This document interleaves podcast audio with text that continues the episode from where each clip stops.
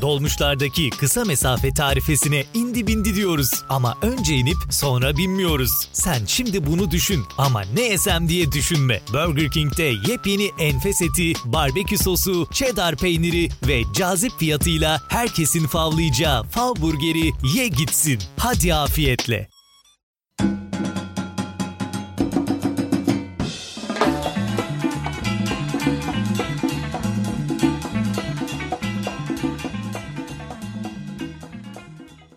Merhaba kıymetli dinleyenler. Bir nevi biyografinin yeni bölümüyle karşınızdayım. Bu bölümde 1950'li yıllardan itibaren Anadolu'dan kentlere doğru başlayan göçlerle birlikte filizlenmeye başlayan, 80'li özellikle de 90'lı yıllardan itibaren iyice palazlanan Anadolu sermayesinden, diğer ifadeyle yeşil sermayeden, kimi tabirlere göre de İslami sermaye kavramından ve tarihçesinden bahsedeceğim. Yeşil sermayenin detaylarına girmeden önce sermaye ve sermaye ile doğrudan ilintili olan burjuvazi kavramına değinmek istiyorum.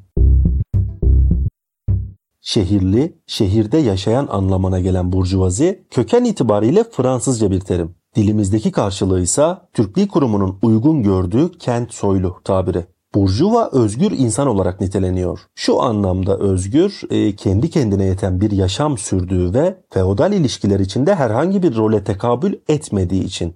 Burjuva feodal dönemde ne başkası için çalışan bir işçiydi, ne serf ne de köylü.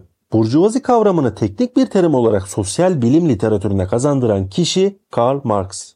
Marksist teori kapitalist sistemin gerek ortaya çıkışında gerekse işleyişinde burjuvaziye merkezi bir rol atfeder. Burjuvazinin oluşumunu tarihsel bir çerçeveye oturtan Marx, bu sınıfın ortaya çıkışının uzun bir zamana yayıldığına dikkat çeker. Söz konusu zamanında üretim ve değişim ilişkilerinde yaşanan devrimlerin bir koşutu olduğunu vurgular. Bu çerçevede vurgulanan olaylar dizisi şunlar. Doğuda Hint ve Çin pazarlarının ortaya koyduğu imkanlar, efendim Amerika'nın kolonileştirilmesi ve diğer kolonilerle yürütülen ticari ilişkilerle birlikte değişim araçlarındaki artış. Bu gelişmeler kentlerin oluşup olgunlaşmasına olanak sağlarken dilimize kent soylu olarak geçen burjuvazinin de ön plana çıkmasına zemin hazırlıyor.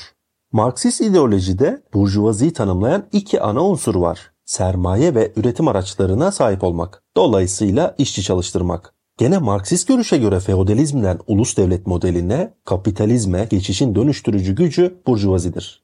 Batı siyasi tarihine baktığımızda önemli değişim ve dönüşüm hareketlerinde burjuvazinin itici güç olduğunu görüyoruz. Sanayi devrimi ve Fransız ihtilalinin burjuva karakterli devrimler olduğu gerçeği sermaye sahiplerinin siyaseti de önemli ölçüde etkilediğini ortaya koyar. Türkiye'de Cumhuriyet'in kuruluş yıllarına baktığımızda var olan bir sermaye sınıfının olmadığını görürüz. Ekonomik temelde güçlü bir sınıftan yoksun olunması ve devletin toplumu dönüştürme projesinin bir gereği olarak ulusal kalkınmanın devlet öncülüğünde sağlanması düşüncesiyle milli bir burjuvazi yaratma girişimi ortaya çıkıyor. Evet, devlet eliyle meydana getirilen burjuvazi sınıfı. Devlet aracılığıyla kalkınma stratejisi aynı zamanda modernleşme sürecinin de bir parçası olarak görülüyor. Türkiye'de milli bir burjuvazi yaratma projesi yalnızca milli sermayeyi artıran, özel teşebbüsü harekete geçiren bir adım değildi. Aynı zamanda devlet elitlerinin yani asker ve sivil bürokrasisinin palazlanmasını sağlayan uygulamalar söz konusuydu. Bir bakıma siyasi bürokratik kadrolarla iktisadi güç unsurları iç içe geçti. Daha basit ifadeyle istikbali devletin elinde olan sermayedarlar oluşturuldu. Ekonomik alanı kontrol etme ve belirleme fırsatını yakalayan bu merkeziyetçi bürokrasi hem kendi statüsünü garanti altına almanın hem de devlet eliyle oluşturulan burjuvanın devlete bağımlı olmasının koşullarını oluşturdu. Yani öyle sermayeye karşı liberal bir yaklaşım yok o dönem. İdeal olan sermaye devlete bağlı olan sermayeydi. Zira devlet kendisinden özerk bir alanın oluşturulmasını ulusal bütünlüğe tehdit olarak görüyordu. Elbette e, yeni kurulmuş bir devletten bahsediyoruz. Dolayısıyla siyasi, kültürel ve ekonomik düzenin oturmasında ve toplumu dönüştürme projesinde devletçilik hayli önemli bir unsur o dönem. Cumhuriyetin temel ilkelerinden olan devletçilik sosyolojik açıdan imtiyazlı ve sınıflı bir toplumu istemiyor. Sermaye sınıfını yaratırken de devletten ayrı ve özel bir burjuva sınıfının oluşmasına bu sebeple müsaade etmeme gayretinde. Fakat diğer yandan bu merkezi otorite kendisinin meydana getirip kanatları altına aldığı burjuvazi ile iç içe geçiyor. Tek parti dönemi sonrasında da ekonomideki devletçi felsefe değişmedi. Önceleri devletçi uygulamaları eleştiren, serbest girişim ve piyasayı savunan Demokrat Parti, devletin yatırımcı rolünü devam ettirdi. Yem sanayi, şeker fabrikaları, çimento sanayi gibi sermayesinin bir kısmı devlete ait olan iktisadi devlet teşekküllerinde önemli bir artış olmuştu. Hemen burada 1960 yılında kurulan Devlet Planlama Teşkilatı'ndan bahsetmek gerekiyor. Devlet Planlama Teşkilatı, hükümetin iktisadi ve sosyal hedeflerinin belirlenmesinde kısa, orta ve uzun vadeli planlarla danışmanlık görevini üstlenecek olan kuruluş. Önemli bir detay, e, Türkiye ekonomisinde önemli değişimlerin öncüsü olan Turgut Özal, Devlet Planlama Teşkilatı'nda iki dönem müsteşarlık yapmıştı. Kendisinin az sonra bahsedeceğim yeşil sermayenin büyümesinde de önemli katkıları var. Tek parti dönemindeki ve sonrasındaki cılız ticaret ve sanayi burjuvazisi devlet korunmasından yakınmak bir yana kendi varlığını ve gelişmesini söz konusu korumacılığa bağlıyor ve devlete olan bağımlılığını uzun yıllar sürdürüyor. Siyasi otoritenin kanatları altında korunan sermaye sınıfı dünya piyasasındaki rekabete de ayak uyduramayacak. Dolayısıyla ekonomik olgunluğa ulaşamayan, devletten yardım ve teşvik almadan yürüyemeyen bu kesim otoriter devletle birlikte siyasi liberalizme ihtiyatla yaklaştı. Türkiye'de 1950'li yıllardan itibaren hız kazanan göç olgusu kentlerde yeni sosyolojik yapılanmalara neden oldu. Taşra kökenli küçük esnaf ve girişimciler kendi gelenek ve değerleriyle bağlı ticaret anlayışını büyük şehirlerde uygulamaya koydu büyük şehirlerdeki taşra kökenli ticaret girişimcileriyle bunlara e, Anadolu Burjuvası da diyebiliriz. Dini dernekler arasında kurulan yakın ilişki zamanla muhafazakar siyasette de karşılığını bulacak. 1970 ve 80'li yılların getirdiği elverişli ortamda güçlenme imkanı bulan Anadolu Burjuvası siyasette yeni bir cephe açıyor. 1980 yılı Türkiye ekonomisinde e, kritik bir yıl. Yani globalleşmede atılan önemli bir adım. Zira 24 Ocak kararları ekonomide liberalizasyonun ve küresel kapitalizme eklemlenme sürecinin miladı niteliğinde. 24 Ocak kararları ekonomide küreselleşmenin yanında statikoyu hakim kılmak isteyenlere karşı liberal demokrasiyi öne çıkarıyor. Söz konusu kararlar devletin belirleyici olduğu alanı daraltırken sivil ve örgütlü toplumun gelişmesine zemin hazırlayarak İslami kesimin özel alandan çıkıp kamusal alanda da etkili olmasını sağladı. Bu arada Anadolu sermayesinin güçlenmesinde dışarıdaki politik gelişmelerin de etkisi büyük. 1970'lerde Orta Doğu'da yaşanan iki gelişme ABD ve Avrupa'nın Türkiye'ye olan bakışında önemli değişiklik yarattı. Bu gelişmelerden ilki neydi? Ee, Afganistan'ın Sovyetlerce işgal edilmesi. Diğeri ise İran'daki İslam devrimi. Soğuk Savaş döneminin sonlarına doğru ABD, Sovyetlere karşı bir yanda insan hakları kampanyası başlatırken diğer yandan da ılımlı İslam olarak nitelediği ülkelerden bir yeşil kuşak oluşumunu ortaya koydu. 1970 ile 80 arasında söz konusu yeşil kuşak oluşumunun siyasetteki temsilcisi Necmettin Erbakan'dı. Erbakan'ın siyasete atılmasındaki temel misyonun taşra sermayesinin çıkarlarını korumak olduğu söylenir. Bütün bu dertlerden kurtulmak için önce taklitçiliği bırakıp milli görüşe dönmek mecburiyetindeyiz.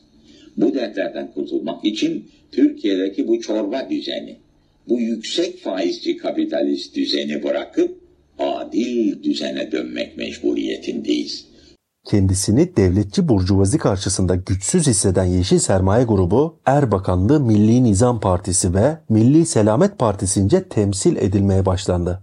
Bu temsil sonucunda ticaret burjuvazisinden sanayi burjuvazisine dönüşmeye başlayan Anadolu sermayesi haliyle iktidar olanaklarından bir hayli yararlandı. 80'den sonra ise 24 Ocak kararları ile birlikte Turgut Özal ekonominin ve yeşil sermayenin yönünü tayin eden isim olacak. 80'li yıllar sonrasında e, siyasal ve sosyal hayatta radikal değişimler yaşanıyor. Bu dönemde meydana gelen küreselleşme hareketleri Anadolu'da birikmiş olan sermayenin dünyaya açılmasına olanak sağladı. Özal döneminde İslamcı anlayış ve yaşantı kamusal alanda görünürlüğünü artırıyor. Türkiye'nin ve dünyanın içinden geçtiği değişime uyum sağlayan cemaatler kendi düşünce tarzlarını serbestçe dile getirmeye başladılar. Oranı %7'ler seviyesinde olan İslami gazete ve dergiler 90'lı yıllarla birlikte %50'lere yaklaşmış, radyo ve televizyonculuk alanında da aynı yükseliş gözle görülür hale gelmişti. Mayıs 1990 tarihine gelindiğinde önemli bir gelişme yaşandı. Örgütsel anlamda Anadolu sermayesinin temsilciliğini üstlenen bir yapı kuruldu. Müsiyat. Müsiyat bir bakıma İstanbul sermayesinin temsilcisi olan TÜSİAD'a karşı kuruldu. Müsiyat, İslamcı burjuvanın ortak çıkarlarını korumanın yanında devletçi burjuvanın yararlandığı yatırım ve teşviklerden yararlanamayan KOBİ'lerin hak savunucusu olarak kendini konumlandırdı. Baktığımızda hem müsiyat hem de TÜSİAD e, liberal ekonomiyi ve batılı değerleri kabul etse de TÜSİAD Kemalist batılılaşmayı temsil ederken müsiyat İslam ve Anadolu geleneklerini izleyen bir alternatif sunuyordu. Turgut Özal, müsiyatı Türkiye'nin en önemli teşkilatı görüyor. O kadar ki derneğin düzenlediği tüm açılış ve iftar davetlerine katılmaya özen gösterdi. Geleneksel bankacılık sisteminin yanında Anadolu Finans, İhlas Finans ve Asya Finans gibi İslami finans kuruluşları Özal tarafından hayata geçirilmiş, faizsiz bankacılık sistemiyle Türkiye'de ve yurt dışında yaşayan muhafazakarların tasarruflarına talip olunmuştu. Özal'ın vefatından sonra Refah Partisi 94 yerel seçimlerinde ciddi bir başarı elde etti. Şimdi Özal'ın vefatı derken e, zamanı vurgulamak maksadıyla söylüyorum. Yoksa Refah Partisi'nin başarısını Özal'ın vefatıyla ilişkilendirmek için değil. Evet, Erbakanlı Refah Partisi'nin 94 yılında Ankara ve İstanbul gibi büyük şehirleri kazanması, İslami burjuvanın güçlenmesinde önemli bir sıçrama tahtası oldu. Öyle ki müsiyat yöneticileri artık cesur açıklamalarda bulunuyordu ülkenin Avrupalı olma sevdasından vazgeçmesi gerektiği ve faizsiz kredi sistemine geçilmesi talepleri bunlardan birkaçıydı. Gayri safi milli hasıla içindeki payını %10'un üzerine çıkaran müsiyat, İstanbul sermayesinin ciddi bir rakibiydi artık. Erbakan'ın D8 birliği politikası müsiyatın desteğini arkasına alarak Orta Doğu ve Asya'daki ticari ilişkilerde etkili oldu. D8 biliyorsunuz 96 yılında İslam ülkeleriyle kurulan Ekonomik İşbirliği Teşkilatı. Erbakan önderliğinde kurulmuştu. D8'ler 20. asrın sonunda aydınlığa, barışa, huzura, saadete açılan bir kapıdır. Devam eden süreçte Anadolu sermayesinin temsilciliği MÜSİAD'ın tek elinde kalmadı. TUSKON kısaltmasıyla Türkiye İş Adamları ve Sanayiciler Konfederasyonu, ASKON kısaltmasıyla Anadolu Aslanları Konfederasyonu, İşhat kısaltmasıyla da İş Hayatı Dayanışma Derneği gibi yeni örgütlenmeler ortaya çıktı. Evet, gelelim İslami sermayenin dönüşümünde kırılma noktası olan 28 Şubat sürecinin etkilerine. Efendim Refah Partisi'nin yükselişiyle birlikte rejimi tehdit eden düzeydeki tırnak içinde irticai söylemlere karşı ordu sivil unsurlar vasıtasıyla bir karşı hareket başlatıyor. Sermaye Piyasası Kurulu İslami örgütler hakkında suç duyurusunda bulunurken genel kurmay da İslami sermaye şirketlerinin ihalelerden çıkarılması talimatını veriyor. Cumhuriyetin şeriat özlemi içinde olanların saldırısı altında olduğunu söyleyen İstanbul sermayesi STK'lar aracılığıyla orduya destek verdi. Özal ve Erbakan döneminde muteber sayılan MÜSİAD'ın 28 Şubat'la birlikte kamu sektörü ve bankalar nezdinde itibar kaybetmesiyle birlikte üye sayısında da ciddi düşüşler oldu. Sonrasında gelen 2001 krizi söz konusu kesime ikinci darbeyi vuruyor. Yeşil sermaye girişimi olan İhlas Finans'ın iflası bu sürece denk geliyor. Neticede müsiyat 28 Şubat'tan sonra İslamcı anlayışla arasına mesafe koyuyor ve tüm partilere eşit mesafede durmaya başlıyor. Genel algı öyleydi en azından. Zira devam eden süreçte varlığını sürdürebilmek için kendini yeniden meşru zeminde konumlandırmalıydı. Refah Partisi ile yakın ilişkide olan yönetim kadrosunu değiştirdi. Dernek amblemindeki siyasi imgeleri kaldırdı ve siyasi söylemlerden kaçınılması yönünde çağrılar yaptı. Tabi MÜSİAD'ın dönüşümü her ne kadar 28 Şubat'ın getirdiği bir zorunluluk olsa da e, 99 yılında AB üyelik sürecinin ivme kazanması ve Kopenhag kriterleriyle getirilen demokratikleşme baskısı da bu süreçte etkiliydi. Şunu da atlamamak gerekiyor. Muhafazakar kesimin temsilcisi olan Anadolu sermayesi zenginleştikçe ister istemez dünyevileşme eğilimine girdi. Sonuç olarak Anadolu sermayesi ve onun temsilcisi olan MÜSİAD'ın yükselişi 28 Şubat'ta birlikte kesintiye uğrasa da bu yapı kendisini sistemle uyumlu hale getirme yoluna gitti. Malumunuz devam eden süreçte siyasal alandaki yeni adres AK Partisi ve Erdoğan oldu. Dinlediğiniz için teşekkür ederim. Bir sonraki bölümde görüşmek üzere. Esen kalın.